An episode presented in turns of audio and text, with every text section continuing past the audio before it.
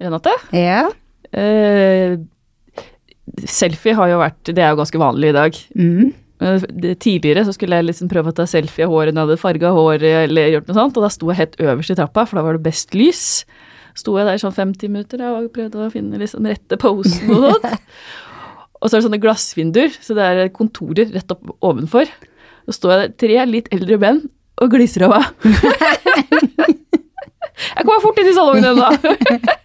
Ble du flau? Jeg ble veldig flau. Det er ikke sånn derre selfie Jeg var ikke så veldig komfortabel med det. Selfiedronninga? Nei. Ja.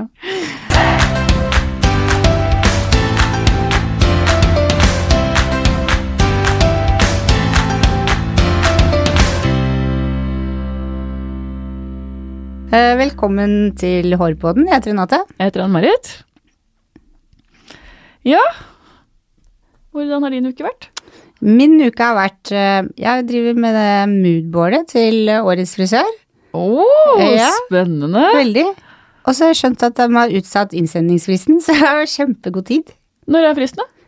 Det har det ikke stått, det står det kommer, men eh, festen er jo i oktober 2020. Festen er det? Ja, den er utsatt, så den kommer på høsten på The Hub. Så Ohoi. jeg har jo holdt på i sommer og titte og så har jeg bytta mange ganger. Nei, det er ikke det også. Du vet hvordan det er. Nei, er det, er sant? Det ikke har greit. ikke jeg fått med meg engang. jeg. Ja, det er sant. Jeg Ja, da er jeg veldig god tid òg, da. ja, jeg var overlykkelig, for jeg har liksom fått satt én modell på Ja. plass, og så har jeg liksom ikke vært helt enig med meg sjøl. Ja. Nå er jo god tid. Ja. Så, men det er gøy, da. Man blir jo Hvis man er litt lei før sommeren og sånn, så kommer jo ideene, og ja, ikke vi sant. trenger jo det. Ja, vi gjør det faktisk. Mm. Og du, da? Uka di? Det har ikke skjedd så fryktelig mye spennende. Jeg klippa samboer og, og pappa og sånt. Tatt og vifta litt med saksa igjen. Og så har du vært på festival? Jeg har vært på festival òg, det har jeg. Det var gøy. Det var veldig gøy. Og da var det faktisk Merker at det er lenge siden jeg har vært på jobb. Fordi at jeg sto der og liksom ordna meg sammen med en venninne. Og så sier jeg til henne «Eh, Skal du gå sånn på håret? jeg bare, har du lyst til å fikse det? Så jeg bare, ja. Yeah. For vanligvis så er det sånn derre Åh, nei, ikke Sikkert alle frisører kan kjenne seg igjen i det. Jeg orker ikke å ordne hår på fest. Jeg bare Nei, ikke det. Ikke sant? man vil ordne seg sjøl òg. Ja, man vil jo det. Men Ja. da var jeg liksom der Å, fikk jeg lyst til å krølle håret ditt? Ble du fin? Og, ja, jeg syns det. Ja, men vi Ja. har med oss en gjest i dag òg, vi. Ja, det har vi. Dagens gjest har stylet flere modeller og kjendiser for magasiner og show. Stilen hans nå er minimalistisk, naturlig og med et klassisk uttrykk. Han har i tillegg vunnet Årets stylist i 2016 og 2019, Årets avantgarde i 2014, 2015 og 2017. Wow. Det er helt rått. Velkommen til oss, Jens Johan Wiker. Hei. Hei, kan ikke du fortelle litt om deg selv? Ja, det skal jeg gjøre. Eh, jeg heter Jens Johan Wicker. Eh, jeg er, blir 30 år i år. Eh, nå jobber jeg på, på Håret i Bogstadveien. Og jobber også frilans med mote, reklame og ja, visninger og reiser mye rundt, egentlig. Um, det er vel egentlig meg veldig kort sett. Hverdagen min består av jobbe, altså jobber ute med artister eller med kjendiser eller, ja, eller reklame, og trives veldig godt med det. Så det blir lange dager, men mye morsomt. Men du fortalte før vi starta her at du har bodd i København og i London. Ja. Kan du fortelle om det? Eh, det har jeg. Jeg har, eh, jeg har vel egentlig reist ganske mye gjennom karrieren min, og så har jeg vel egentlig valgt å hoppe på alle sånne muligheter jeg har fått. Så da Det startet vel med når jeg var lærling i Tony Guy, at jeg fikk muligheten til å reise til London for å ta det engelske svennebrevet i klipp. Så jeg måtte spesifisere meg innenfor klipp og ikke ha farge. Og så ble jeg i London en litt lenger enn jeg egentlig tenkte jeg skulle bli. Eh, og jeg syntes det var veldig gøy, så på den tiden så brukte jeg alltid lærlinglønnen min på å egentlig reise til London to ganger i måneden. Og ble der da kanskje sånn seks dager om gangen, og så frem og tilbake. Da bodde Oi. jeg hjemme, så da hadde jeg, litt, hadde jeg råd til å reise med Ryanair. Uh, og syntes det var veldig gøy, og likte London veldig godt. Uh, og fikk masse venner over. Og gikk jo også på den Tony Guy-skolen som ligger i New York Street, Street da. Ja. Og tok, var der vel i to måneder cirka, og tok uh, svennebrevet da. Oi. Så det var veldig veldig gøy. Det var spennende. Uh, husker jeg at uh, den gamle sjefen min, David Wyke, han sa eh, vel før For jeg dro på noe som heter sånn pre-wardering, som er da en sånn, en sånn uke hvor du, de tester ut hvor flink du er. Og da hadde de sagt at jeg var veldig veldig flink, og at de forventa at jeg fikk da noe som heter dis distinction, som er at du består liksom alt med seksere. Oi. Eh, og da David, som ja, han er jo veldig streng og ve han er veldig flink, men han er veldig streng, så da var det sånn høye forventninger på at jeg skulle bestå alt på tiden. Eh, og på den tiden jeg dro til London, så kjente jeg jo ingen i London. Jeg hadde liksom én venninne, tror jeg. Og vi må finne alle modellene våre selv.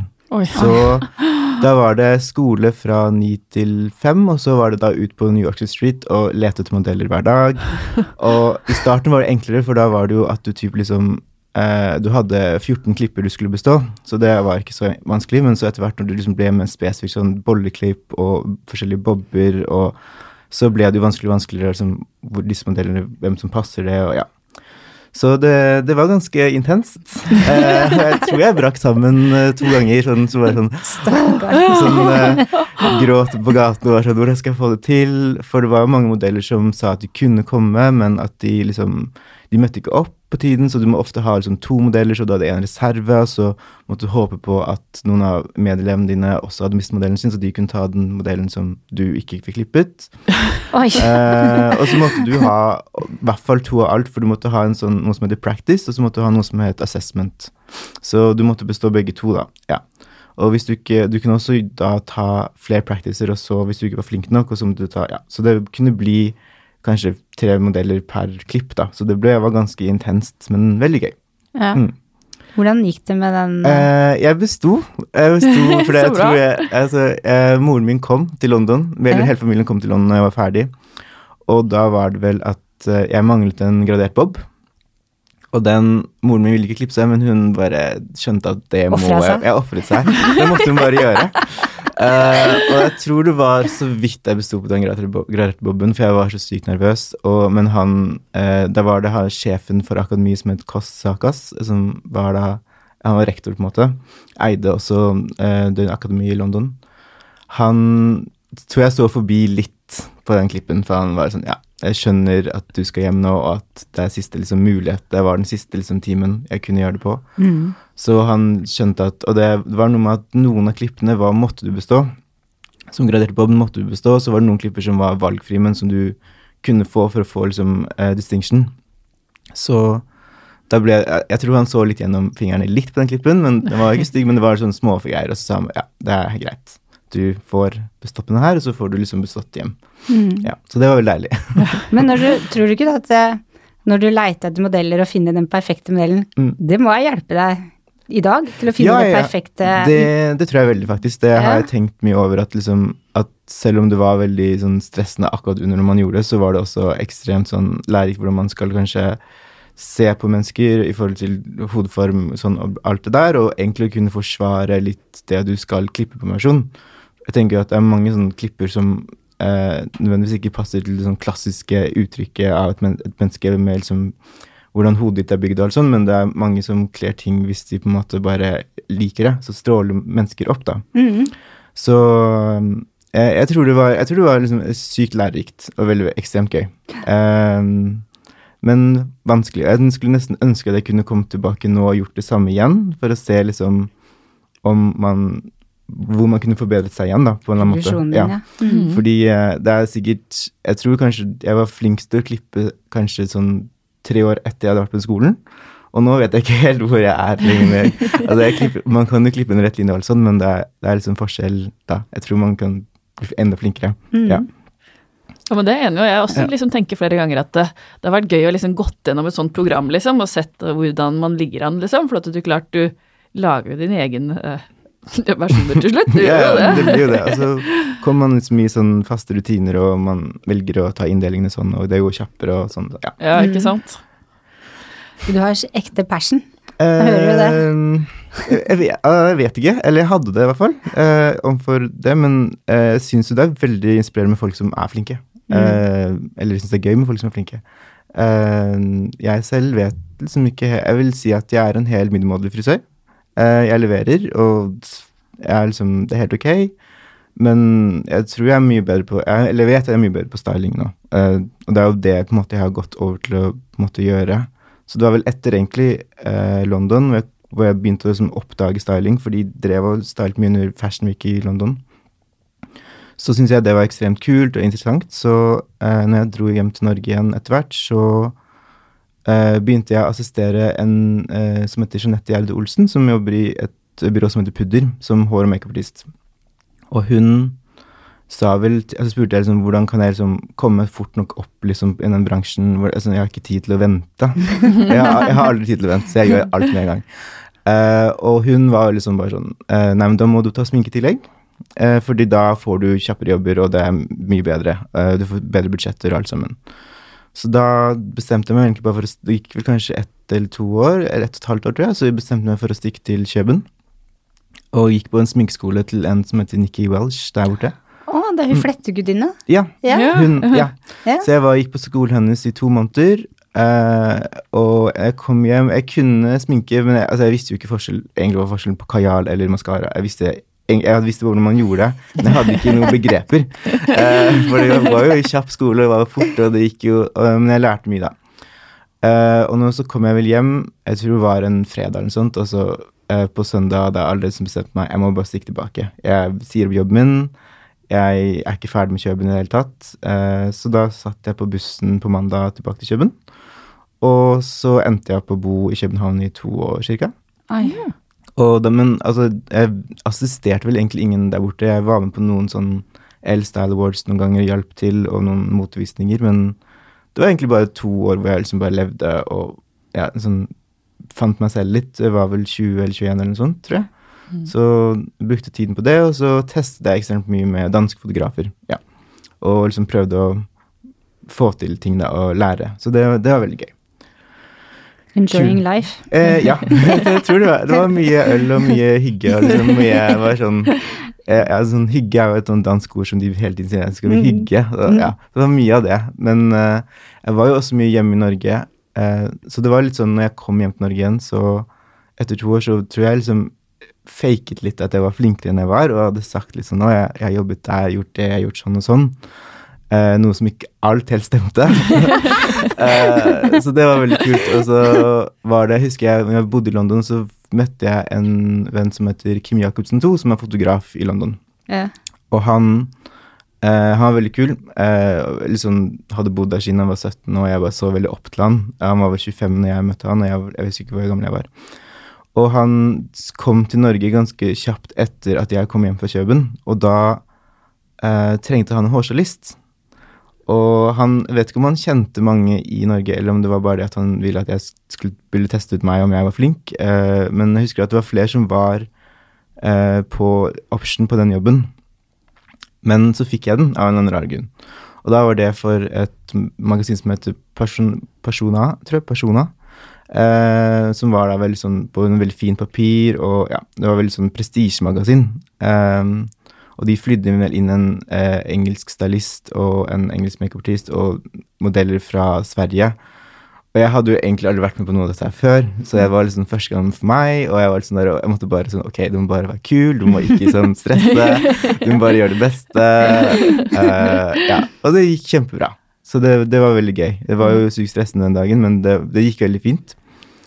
Og et- etter det så har det vel egentlig bare ballet seg på sånn mer, mer eller mindre hele tiden. Og fått eh, fått eh, editorials her og der, og så har jeg testet veldig mye og liksom prøvd å sende inn med forskjellige team. Så det var vel ganske kjapt egentlig at jeg da fikk Jeg ble signert i Pudder Agency, som jeg var først representerte meg, da. Ja. Eh, og etter det så var det man egentlig bare sånn at jeg, det bare gikk av seg selv. Eh, jeg famlet sånn litt i mørket, fordi jeg visste jo egentlig ikke helt hva jeg drev med. Og jeg skulle kanskje ønske at jeg hadde assistert mer ifølge at man liksom eh, Når du assisterer, så lærer du deg hvordan et sett fungerer. Hvor at du på en måte skal snakke med kunder, og hvordan du skal forholde deg til mennesker. Og at eh, det er veldig enkelt å bare være i liksom, hodet sitt selv og stå der og liksom, Du gjør hår, men er, når du er på en hverdag, så er det jo mye mer enn hår eller sminke du gjør. Du skal jo please en kunde, så skal du please fotografen, du skal please mange, og du skal være sånn snill og være hjelpsom. Så det var liksom de tingene jeg kanskje ikke helt visste hvordan jeg eh, gjorde i starten. Hvor jeg da var mange kvelder hvor jeg kom hjem og var sånn Å, herregud, nå har jeg bare fucka alt opp, og jeg må bare ringe agenten min. Men eh, folk var utrolig nok fornøyd med meg hele tiden. Sånn, eh, jeg sa Jeg er vel sånn, jeg tror jeg er ganske sjenert. Eller jeg har hørt at jeg er veldig sjenert, så og jeg vet selv også. Eh, så jeg er kanskje mye stille på sett, og det er ofte mange andre store personligheter på, som jobber i den bransjen, så det er mange som snakker. Så jeg hvis jeg ikke har så mye viktig å si, så har jeg heller ikke sagt så mye. Eh, så da har jeg liksom bare holdt meg i bakgrunnen og på en måte bare vært med, men ikke sånn, ja. Men det har sikkert forandret seg litt. Jeg har begynt å si mer når jeg er på sett. For nå har jeg liksom Jeg startet da jeg var veldig ung, så nå, har jeg, nå har jeg, føler jeg meg ikke så ung lenger. Jeg føler meg Eller jeg føler meg ikke gammel, men jeg føler meg sånn perfekt. Som det skal være. ja, jeg tror det. ja. Ja, uh, Men jobber du med dette her i tillegg til å jobbe 100 som frisør, eller? Um, hvor mye jeg jobber som frisør Jeg har vet liksom ikke helt en prosent. Det står vel kanskje 100 men det er ikke det. Det er Ja. veldig sånn opp og ned. Ja. Uh, forrige uke var jeg for eksempel reist Jeg var på opptak vel fire dager, fire hele uken, så da var jeg i Sverige en liten tur og gjorde en jobb der, og var tilbake og gjorde noen artister på fredag og eh, noe kommersiell jobb på torsdag, og D2 var på tirsdag. Så det er jo på en måte uken min, Ja. så da var jeg kanskje i salongen i fem timer på mandag, da. Ja, Ja, ikke sant? Ja, det var noe sånt, ja. Så jeg vet Ja. liksom ikke helt Og jeg kunne vel jobbet på lørdag, men eh, noen ganger så må jeg bare tenke fy, Altså, jeg, jeg bare blir sliten. Ja, Ja, må hente seg det. Må hente meg, må hente meg litt inn. Ja. Ja. Men eh, vi, når du kom tilbake da fra København, hvilken salong jobba du på da? Eh, da var det Jo, da startet jeg med Alameva. Ja, ikke sant? Mm. Så ja. da jobbet jeg vel for dem i to og et halvt år, tror jeg. Og jeg hadde vel allerede begynt å sende inn Eller jeg sendte inn min første sånn frisørbidrag Eller årets lærlingbidrag når jeg jobbet for Trondheim Guy, var det vel. Uh, og da husker jeg at den tror jeg gjorde sånn seks opptak til den første. Jeg ble aldri fornøyd. uh, jeg, for det hadde jeg vært var jeg så inspirert for London, og jeg liksom sett, for de kommer ut med sånne kolleksjoner uh, i London. Og det ser så proft ut i forhold til Jeg skal ikke si at Norge er, henger etter, men jeg syns vel kanskje vi henger litt etter. Det er lov til å si det. og ja, så jeg, har, jeg, liksom, så jeg var veldig sånn der Å, herregud, ja, Norge henger så langt etter, og jeg må på en måte bare Ja. Og da var det vel lille Jens da som var veldig ung og skulle fram, opp og fram, og da gikk og lånte klær i dyrebutikker. Jeg hadde vel, på den ene hadde jeg vel med så klær til sånn 70 000. Oh, Og jeg, altså jeg skjønner ikke hvordan jeg fikk låne engang, for jeg kom jo bare inn og spurte sånn Hei, kan jeg liksom deponere på klær? Yeah. Og jeg kan ikke betale noe for det. Altså, du kan kanskje komme og få en gratis klipp av meg. Liksom, det er det jeg kan gi. Yeah. Uh, og så var hun supersnill, hun som jobbet i den butikken, som het Komma, tror jeg, som lå lett overfor salongen vår i Buksa, eller i Hedgangsveien. Mm. Og fikk jeg masse smykker og masse klær, og så skjønte jeg etterpå shit hvor mye jeg egentlig ment for. Jeg husker jeg drev og kjøpte klær fra All Saints sin nettbutikk for å da få til å bruke til shoots, for jeg var bare sånn Jeg må hadde en sånn slags visjon på hvordan det skulle se ut. Mm. Uh, så den første lærlingskiften, den var den som var mest, eh, ja, mest stress med. Mm. Men jeg ble nominert da, men jeg vant ikke. Da var det noen andre som vant. Uh, Det er stort å bli nominert da. Ja. ja, det var, det var gøy å bli nominert. Uh, jeg tror, ja. Men det var jo helt fint det at jeg ikke vant den kvelden. Det var, men jeg husker jeg var kjempespent, og det var veldig gøy. Så jeg var litt i gang med det før Admeva, og så var det vel også igjen det at jeg følte at jeg måtte bare altså, komme meg opp og fram og vise mennesker hva jeg kunne. For jeg hadde liksom, jeg hadde mye ting jeg liksom, Jeg vet ikke, kreativt ord er, kreativitet er et ord jeg ikke egentlig helt skjønner. For for meg har det alltid bare kommet veldig naturlig. Jeg, ikke, jeg prøver ikke så mye. Det bare skjer. Eh, noe som også kan være at jeg blir veldig sliten fordi at man Du har bare det, Du har mye du skal ha utløp for, på en måte. Eh, så det var vel også sånn at eh, når jeg gjorde de frisørbidragene, så var det jo Hadde jeg en viss idé, men jeg visste ikke helt hvor jeg skulle med det, på en måte. Eh, og så hadde jeg vært på et kurs i London for avantgarde, eh, hvor jeg da brukte, gjorde min første avantgarde-kolleksjon. Og det var ekstremt kult og veldig gøy. Eh, og hvor jeg da vant. Det var jo ekstremt sånn. Men jeg tror det var liksom fordi at det jeg gjorde, hadde ingen i Norge sett ennå. Det var liksom veldig nytt, og det var veldig Ja. Eh, de bildene vil jeg ikke si sånn er mine yndlingsbilder nå lenger. uh, men, det, men det er liksom veldig morsomt å se tilbake. Og jeg vil kanskje si at håret var veldig veldig, veldig bra sånn teknisk og gjort, utført den gangen, men det ble ikke catchet helt på bildet hvor bra det kanskje var. Uh, men når man vant, så var jo det ekstremt gøy. Mm. Og neste år etter der igjen så var det vel en til avantgarde-kolleksjon jeg lagde. Hvor jeg brukte litt mer tid. Eh, og satt og fiklet med det en måned, tror jeg. Bare sånn For jeg orker ikke Jeg kan lage en av, en av liksom bildene på en dag, men da blir jeg helt gæren i hodet mitt. så det er så mye sånn små, det er sånn småting du må fikse hele tiden, så da valgte jeg heller ok, hvis jeg bare bruker en måned på det og gjør en sånn liten piece om dagen, så tar det meg ti minutter, og så er ikke det noe stress, og så heller at man da får liksom 100 av den, og så kan du på en måte bare bygge og bygge og lime og bygge på det. Så det var det vi gjorde, og da også var det vel altså, For da hadde, siden jeg vant første kolleksjon, eller de første bildene mine, så tror jeg Øystein var litt sånn Ja, vi kan gi deg en liten sånn eh, push, så du kan få litt penger til den, denne greia di. Så da flydde vi en modell fra Polen inn, og Oi. hun var da modell. Og da jeg, den gangen hadde jeg også faktisk lagd alle kjolene selv, så da hadde jeg kjøpt masse garn, og jeg drev og heklet, og jeg drev og eh, vevde, eh, og så på en måte bare satt, limte jeg det på noen sånne Hense Maurits billigkjoler, og så hadde jeg liksom bare, ja, masse vind, og så, ja. Så det var veldig gøy. Det var liksom helt annerledes igjen hvordan jeg gjorde det da. Men de bilene er heller ikke helt sånn superfornøyd med nå. Men eh, Blir du liksom noen gang helt fornøyd? jeg tror jeg har gjort én som jeg ble fornøyd med. Eh, eller to har jeg vært fornøyd med. Eh, jeg vant også egentlig eh, Sju Mura sin konkurranse, sånn Art of Gallery og sånt, heter vel. Hvor det også er egentlig sånn avantgarde approach, approach, men de vil vel mer fokusere på um, eh, litt mer at det er folk sitt eget hår som man bruker. Eh, men det gjorde jo ikke jeg, selvfølgelig, for jeg hadde jo tenkt noe helt annet. Og da lagde jeg noe sånn slags blomst Jeg vet ikke hva man skal kalle det, men det var liksom sånn slags sånn Så som heste eh, Hva er det hesten har på bakpå? Sånn, Man? en mann? ja, en sånn Ja. hestemann som var klippet veldig kort. En sånn islandsk hest som står rett ut. Så jeg lagde det i forskjellige sånn rundinger og forskjellige former. Og så hadde jeg en asiatisk modell, siden det var jo ehm, Det var fra Shurumura er japansk. Jeg tenkte kanskje det hjalp. Ja. og de bildene er jeg faktisk veldig fornøyd med, for de var, de var liksom Det så var on point. eh, men eh, ja, jeg vant ikke videre. Jeg vant på Norge, men det er også veldig gøy. Men det er jeg fornøyd med. Ja. Så var det også den siste avantgarde-kolleksjonen jeg gjorde, som også egentlig var faktisk den forrige jeg gjorde, eh, som jeg ikke vant med. Da vant i Årets Horselist 2016. Men eh, jeg hadde lagd den, og den var ganske sånn også perfekt laget og veldig kul. Og så eh, neste år så var det vel at jeg ikke gadd å lage en til, så istedenfor å bare Så brukte jeg den gamle og bare begynte å tenne den på og ødela den med kniver og sånn, og så bare satte jeg det på hodet til modellen. Vi, for da egentlig holdt jeg et kurs med noen andre for jeg skulle hjelpe andre til å bli nominert eller få frem bildene sine, og så hadde vi vel en halvtime igjen. Og så sa jeg bare ja, men kan vi ikke bare ha, vi bare se hva det blir? Og så ble det Så vant de bildene. Så det var egentlig det samme som jeg da har egentlig brukt før. Ja. For du lagde jo bilder nå til 2019, men du sendte det ikke inn. Uh, nei, jeg lagde ikke bilder, faktisk. Oh, ja. Jeg jeg leste det på Google. Å ja. eh, Å ja. er. Eller, altså, jeg tror Eller sånn For det, det var vel egentlig tanken at jeg skulle gjøre det, og så vi holdt uh, et show med Escape Ja. um, hvor um, de skulle ha to avantgarde-stylinger.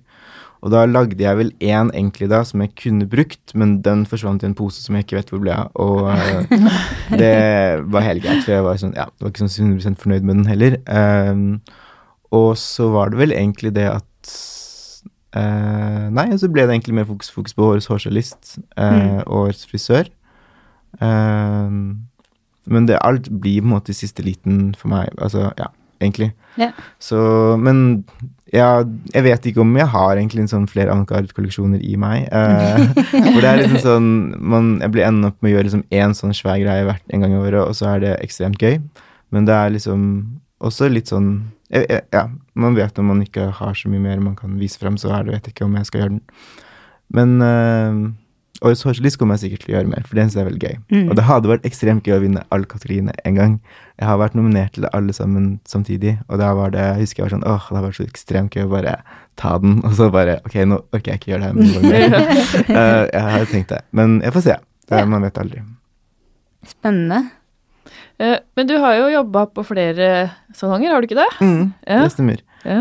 Uh, ja, som sagt så har det liksom vært sånn at som når jeg flyttet til København, så ville jeg prøve noe nytt når jeg kom hjem, så da ble det Almeva, og så eh, jeg jobbet der en stund, så flyttet jeg til Paris, eh, fordi min ekskjæreste, han startet jobb for noe som heter ESA, European Space Agency, og så da fikk jeg liksom sjansen til å bo i Paris i et halvt år, Oi. og det kunne jeg ikke si nei til. Det var jo helt sånn en leilighet til en sånn utsikt for Eiffeltårnet og alt sånt, så det var sånn tenkte jeg sånn, ja, men da kan jeg fortsette å jobbe frilans i Oslo, og så kan jeg eh, stikke i Paris og prøve å få møter og møte mennesker og sånn. Og jeg var på mange møter, og det var veldig kult. Eh, men jeg kom aldri ordentlig inn noe sted, så det endte med at jeg bare dro hjem til Norge og gjorde tre jobber, kom tilbake, bodde i Paris i to uker, dro tilbake, liksom fram og tilbake, og så eh, levde man litt sånn på skattepenger, noe som måtte bli betalt tilbake senere. Men, eh, men det var altså liksom Ja, det var, det var ekstremt gøy. Og jeg ville ikke byttet det bort mot noe. Det var veldig kult. Så når jeg kom hjem derfra, da startet jeg på Dugg, tror jeg. Ja. Ja. ja. Da jobbet jeg også i ett og et halvt eller to år, tror jeg. Det var veldig fint og veldig gøy. Men jeg trengte vel bare um, Trengte liksom noe nytt, uh, og da var gevir mer riktig for meg på den tiden. Eh, de gjør det jo veldig bra har veldig, veldig mange kunder. Mm. Uh, og når jeg tror jeg jobber frilans som jeg jobber, så hvis jeg først er så lang, så har det en tendens til at da må jeg ha kunder hvis jeg først skal stå der. Ellers så blir det på en måte litt meningsløst for meg. Mm. Uh, så da var Givi veldig riktig. Ja. Mm. Uh, men det var veldig kult å jobbe for Dugg. Jeg fikk lov også å gjøre da dette sånn kurset for 20 mennesker av alle internt i Dugg, og var det vel Billis og Hope og La Bionda, som ikke nå er Labionda lenger, som er Hope, tror jeg. Mm. Uh, hvor jeg da holdt et sånt årsbesøkkurs, Uh, hvor jeg da hadde liksom lagd en stor presentasjon med hvordan man lagde moodboard, hvordan man uh, hadde fått en stylist til å komme og snakke litt om klær, hvordan hun fant det. Jeg hadde fotograf, så vi hadde en live fotoshoot foran alle sammen. Oi. Viste da liksom hvordan man gjorde ting mens vi snakket og, om alt. Og hadde, det, var veldig, det var veldig kult. Eh, det var kanskje litt langt for meg at folk begynte å nesten sovne på slutten. Eller folk, jeg tror alle hadde egentlig lyst til å bare se at man tok bildene. Ja. Ja, for man, ja, frisør er veldig sånn hands on. Vi Mm. liker jo ikke teori, eller ja, for jeg er også sånn PowerPoint. teori. Ja, å, kjedelig. Men når man ser at det er noe som er gjort, så er det gøy med en gang. Eh, så eh, vi holdt det kurset, det gikk kjempebra. Og så var det vel fire utvalgte fra det kurset som var ordentlig interessert til å gjøre frisørbilder, som da jeg hadde sånn én og én møter med, eh, hvor vi da fant ut akkurat hva de ville gjøre, og hvilke bidrag de ville sende inn til hvilken kategori, og hva som var mulig, på en måte, da. Det- hvordan kunne jeg hjelpe dem videre og ja, veilede dem og sånn. Og det, det syns jeg var veldig gøy. Det var sykt gøy, faktisk. For det var liksom igjen noe annet. å hjelpe folk med å forstå litt uh, hvordan, hva man gjør. For jeg føler at det å vinne Det handler egentlig mer om smak enn er veldig mange som er veldig flinke.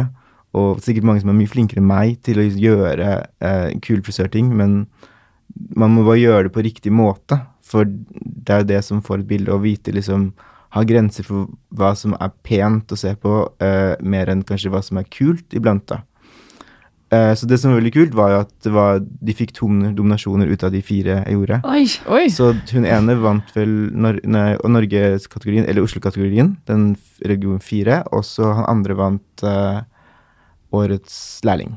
Oi. Ja. Men du, hvordan går du fram når du lager moodboard? Hvordan gjør man det på riktig måte? Eh, ja, eh, det er vel egentlig bare sånn at man Altså sånn eh, For hvordan vi jobber, da, eller jeg jobber med et spesifikt team veldig mye, og vi jobber mye ut ifra følelser og liksom dokument Altså prøve å dokumentere noe, ikke nødvendigvis gjøre hvis man skal gjøre noe mote, da, ikke gjøre, et, ikke gjøre det sånn for motete. Prøve å finne mellombilder, prøve å finne liksom et uttrykk som, altså, som folk kan se på og forstå. Eh, Så hvis det er et sånn gent ordentlig uttrykk i følelser, eller om en person er lei seg eller glad, så er det mye lettere å relatere til det. Det samme gjelder også frisørbilder. At man Hvis du liksom klarer å få eh, vise frem noe som eh, er genuint pent å se på, og genuint noe som gir en slags sånn En følelse på et eller annet, da, så er jo det mye sånn enklere å forstå hva det er. Så da må man finne referanser eh, i forhold til farger, hvis man har lyst til å bruke farger. Um, jeg pleier ofte å søke på kunstnere, finne f.eks. kunstnerbilder, eh, malerier av kombinasjoner av forskjellige farger, hvordan det er satt sammen. Og så kan man da eh, sette allting opp mot hverandre og se hva man liker av det. Er- Liker du mer grafiske ting? Eh, liker du mer ting som bare er, går liksom i ett, eller sånn som går rundt? Og så kan man da liksom eh, begynne å lage ut ut ifra det, tenker jeg. Så det er veldig, veldig sjelden at det som starter med å jeg vil gjøre sånn den spesifikke klippen, eller den spesifikke sånn fargen, eller sånn sånn. Mm. Det på en måte bare skjer litt, og så Ja. Og det, men jeg syns jo også den frisør er ganske vanskelig, fordi at man Eh, jeg syns jo egentlig frisørbildet er ekstremt kjedelig. Eh, jeg syns ikke det er så pent. Så det er liksom Det vi prøvde å gjøre i fjor, var liksom mer portretter av mennesker. Som jeg, og jeg syns vi klarte det fint, men jeg skulle ønske kanskje enda mer portrettmessig. Og nesten at man skulle brukt enda mer mennesker som ikke er modeller. Altså mennesker som bare er, har sånn veldig store personligheter som man ser at er en personlighet, på en måte. Mm. Uh, som Uh, Og det ser man jo også i motbildet, at det er flere og flere som liksom bruker Det endrer seg. endrer seg. Mm. Eh, Den, altså, du har jo selvfølgelig det kommersielle hvor det er den kjønnheten og sånn og sånn. Og så har du men sånn Det er på vei til å bli kulere, på en måte, og da også mye mer personligheter med mennesker som ser forskjellig sånn, ut, da. Og så ser de annerledes på bildet enn de ser i virkeligheten. Mhm. Og det syns jeg er veldig interessant med at man kan Man finner en stor på en annen måte enn kanskje før. Jeg har sett det var, var i fjor høst, så tok screenshot av fem modeller. Den ene var helt albino. Det var, helt, det var kjempefin. Og så var det en som hadde sånn store pigmentflekker. Mm. Og så var det en som jeg husker som hadde ett blått og et grønt øye, og så var det også noe med huden. Og en som hadde masse, masse, masse masse, masse fregner som du ikke kunne dekke. Mm. Kjempekult. Ja, Mm. ha, så kult. Det var veldig bra forklart og bra tips, altså. Ja. Du blir helt sånn sugd inn i det. Forteller mer. Jeg snakker, snakker, jeg først snakker, tror jeg jeg snakker ganske mye. Men det er bra, det. Ja. Ja. Ja, men det har vært veldig, jeg, jeg syns det er veldig gøy å liksom veilede folk, egentlig. Eh, så jeg har vel Det var vel noen som har vel kommet for og spurt om jeg kan gjøre det for dem. Og så mm. har jeg vel eh, prøvd å se om det har vært mulig, så har det ikke vært mulig. Eh, men, men jeg vil jo egentlig gjøre det mer. Eh, I det lange løp så har man Jeg har kanskje en gang tenkt at jeg kanskje har lyst til å lage en sminkeskole eller en hårstylingsskole. Um, for det jeg også føler er noe som vi mangler i Oslo. Mm. Ingen som eller syns leverer bra nok. Så da um, med For jeg gikk også på en til sminkeskole i Danmark. Jeg dro tilbake til Kjøben og tok en til en etter hvert. Og den var bygd opp annerledes. Eh, også veldig likt som Nikki sin, men på en annen måte. Eh, og kanskje jeg likte den ikke bedre, men det, mer det uttrykket jeg har fått i dag, da, er det av den skolen. Litt mindre sminke, mer naturlig, mer jobbe ut fra det du har å jobbe med, på en måte. Eh, så det syns jeg var veldig kult. Og den var også litt mer eh, sånn, sånn moderne, på en eller annen måte. Så det har passet det er liksom det Og da lærte jeg da endelig hva make, liksom, hva liksom, eh, maskara var. Da jeg skjønte plutselig at kajal og ja, kajal er liksom en sånn pensel, eller det, ja, det er sånn, en blyant som du har, liksom. Så det var veldig gøy. Da følte jeg at jeg klarte å naile for sminkedelen enda mer enn jeg gjorde første gangen.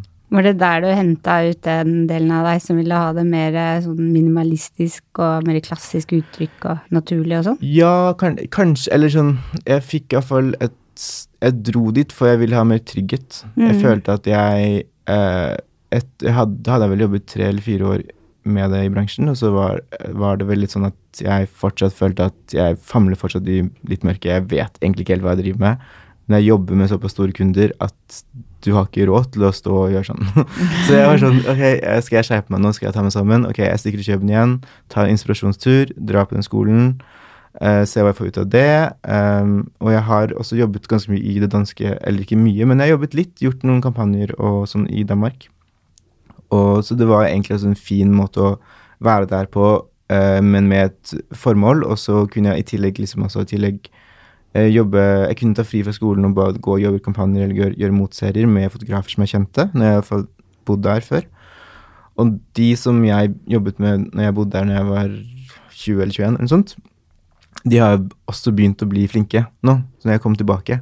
For det var jo fem år etterpå eller noe sånt jeg kom tilbake. Og de da De har jo begynt å bli eh, signert i forskjellige agenturer og kommet dit og dit. Og, så det er veldig gøy å se hvordan vi alle sto og startet og testet og gjorde helt forferdelige stygge ting, og så på en måte har de, alle sammen nå lykkes. Og det er veldig sånn hyggelig å ha de menneskene som man kan komme tilbake og hilse på, ta en øl med og på en måte bare sånn catch up. Og vi er liksom like mye venner som vi er kollegaer, på en måte. Mm. Det, det er veldig kult. Ja, det er litt av en historie du har, altså. ja. Men eh, ja, så hvis det er noen av lytterne som sitter og tenker at å, det kurset burde jeg hatt, så kan du bare ta kontakt med deg, da. Ja, det, ja. for Ja. eksempel det jeg kunne gjort. Eh, Det er jo, jeg tenker jo, ut, Hvis man skal da sminke og alt sånn, så er det bare at man er velkommen dere til utlandet. Det, det er så mye mer der ute som er bedre enn Norge, syns jeg. Og du lærer på en, på en helt annen måte. Eh, og jeg er veldig glad for den skolen i England også, tilbake. Den var jo den som formet meg på en måte eh, veldig, veldig mye på hvordan jeg Og oppdaget hår på en måte litt. Eh, I Norge så gikk jeg rundt og på en måte syntes det var gøy, men det var jo først i London hvor jeg bare skjønte oi, shit, det, det her kan bli noe mer, det her kan bli gøy. det kan du kan faktisk gjøre, være mer kreativ på en måte enn man, man tror man kan være. Mm. Uh, så, så, den skolen var helt sånn key. Og det var derfor jeg også kom tilbake mange ganger hvor jeg betalte for den selv, hvor jeg tok avantgarde-kurset mitt og editorial session-kurs. Bare for å liksom ha gjort det. Og så er det ikke alt jeg har fått brukt, men, men det er liksom noe når man blir satt på skolebenken igjen, så blir det sånn Ok, det her er ekstremt fett, liksom. Bare sånn å være litt hårnerd, fordi det er, iblant så glemmer man at man skal være det. Ja, det er helt sant. Eh, det er veldig rart. Jeg hadde også en kompis på Tony Guy som heter Pår Berdal. Han er kjempeflink. Han, mer, han har flyttet til London og, og, jobber i utlandet. Men jeg jobbet med han på en, eh, et opptak nå for noen helger siden. Og han får meg alltid inspirert, og han er også egentlig den som fikk meg til å jobbe med bilder. Uh, og han var alt sånn så, ja, men Jens, du må bare sende inn bilde til oss frisør, du er så flink, og det får du til. Og jeg var sånn, hæ, jeg skjønte ikke greia med det i det hele tatt. Men han var den som sånn, pushet meg, og han var litt flink også til å liksom, sette opp kurs på hans egen tid, som han fikk kunne betalt for på, når vi jobbet for Tony Guy, oppe på akademiet der oppe. Så han og en som heter Benjamin Solberg, de satte opp kurs for alle oss lærlinger, og vi liksom prøvde, å, og så tok de sånn, bare sånn kjempekjappe bilder med en, en kompis av Pål som het Lars og så viste de altså at det ikke var så vanskelig egentlig å gjøre de tingene som man ser at man liksom alle de, Du ser sluttproduktet, du ser bare så du vet ikke hva som ligger bak det, på en måte. Mm. Så da ble kanskje den veien mye enklere. Og når man da først liksom ble Altså det var kanskje av ti av oss, så var det kanskje to som var ordentlig interessert, meg og en annen. Uh, og så da bare liksom kjørte man jo på da hele tiden og fikk liksom Prøvde mer og mer og mer. Og han har også sendt inn og vunnet noen ting og vært veldig, han er kjempeflink. Så det er veldig sånn morsomt når jeg møtte han igjen nå, så ble jeg like inspirert. For da snakket om andre ting, som andre uh, måter å liksom kunne kanskje dra til utlandet og, og få uh, At byråer, store byråer kan se på boken din, og du får, får en tilbakemelding, f.eks., og at man har litt noe andre mål du ser opp til. Så det er veldig sånn kult at, at mennesker blir liksom sånn tatt og veiledet av mennesker hele veien liksom gjennom. Det liker jeg veldig godt. Mm. Så når vil du gi det tilbake, du nå? Uh, jeg, vet, altså, jeg, vet, ikke helt uh, hva, jeg, hva, jeg, vil. Uh, det er jo gøy å gi tilbake til an, andre folk, men det er vel kanskje mer for at jeg selv brenner for å lære bort. Mm. Jeg syns jo det er ekstremt gøy. Og da gir du jo litt til deg sjøl, da? Ja, det er jo egentlig Jeg tror jeg nok, jeg tror jeg nok mest tenker på meg selv. uh, men uh, jeg syns jo det er supergøy å lære bort. Jeg har alltid syntes det. Um, og det var, jeg holdt jo faktisk et kurs en gang når jeg gikk på Admeva, hvor det var helt sånn uh, Jeg hadde blitt kontaktet av en eller annen Jeg husker ikke hvem hun var nå, men en, en person som, og sjefen min da på Nedre Slottsgata hadde liksom satt det møtet opp. Hun kom og sa vil du liksom, når du vant Årets avantgarde, vil du holde et, et avantgarde-inn-bidrag til vårt kurs.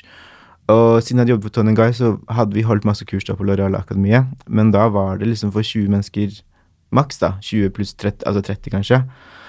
Så jeg siden jeg også var, jeg var så sjenert, altså jeg spurte ikke så mye, så jeg bare sa ja, ok, men det her kan jeg gjøre, og ja, det er fint, det var litt stress, og shit, 30-20-30 mennesker jeg vil stå og snakke for de, ja, ok, ja, det får gå som det går, jeg sier ikke nei, eh, det her er bare kjempegøy, jeg må ta den muligheten, og så se hva det blir.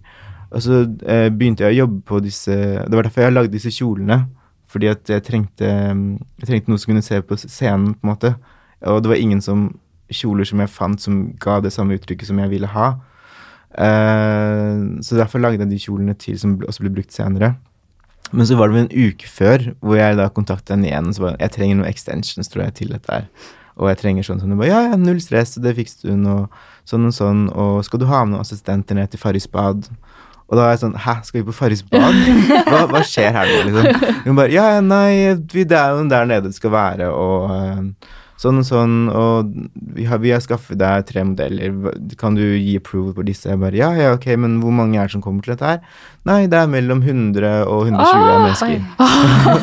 og jeg bare oh shit, det her er helt sinnssykt. Jeg er jo sånn Jeg var ikke klar for det i det hele tatt, men da husker jeg at jeg var så sykt stresset.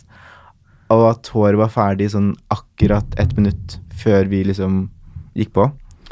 Uh, og da tror jeg bare alt stresset bare falt av meg. Så jeg på en måte Jeg, jeg rakk ikke være stresset under selve liksom eh, jobben. Så da begynte jeg å snakke med scenen, og det gikk veldig bra.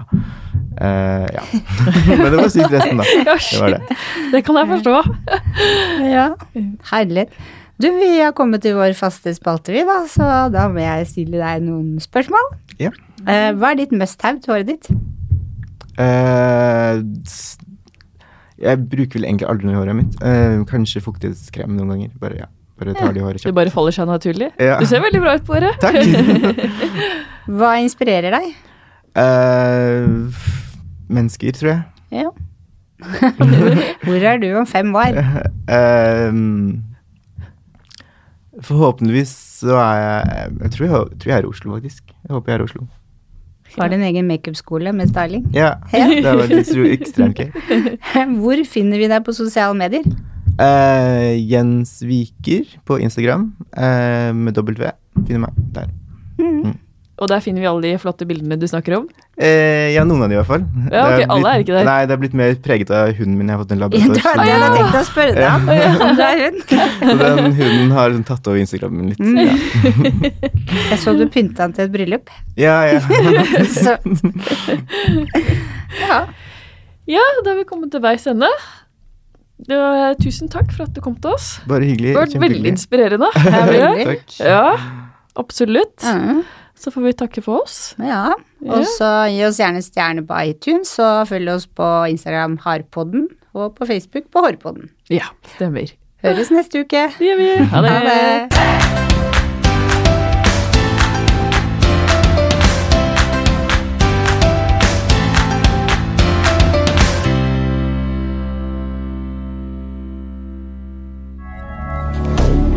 Moderne media. Har du et enkeltpersonforetak eller en liten bedrift? Da er du sikkert lei av å høre meg snakke om hvor enkelt det er med kvitteringer og bilag i fiken, så vi eh, gir oss her, vi. Fordi vi liker enkelt. Fiken superenkelt regnskap.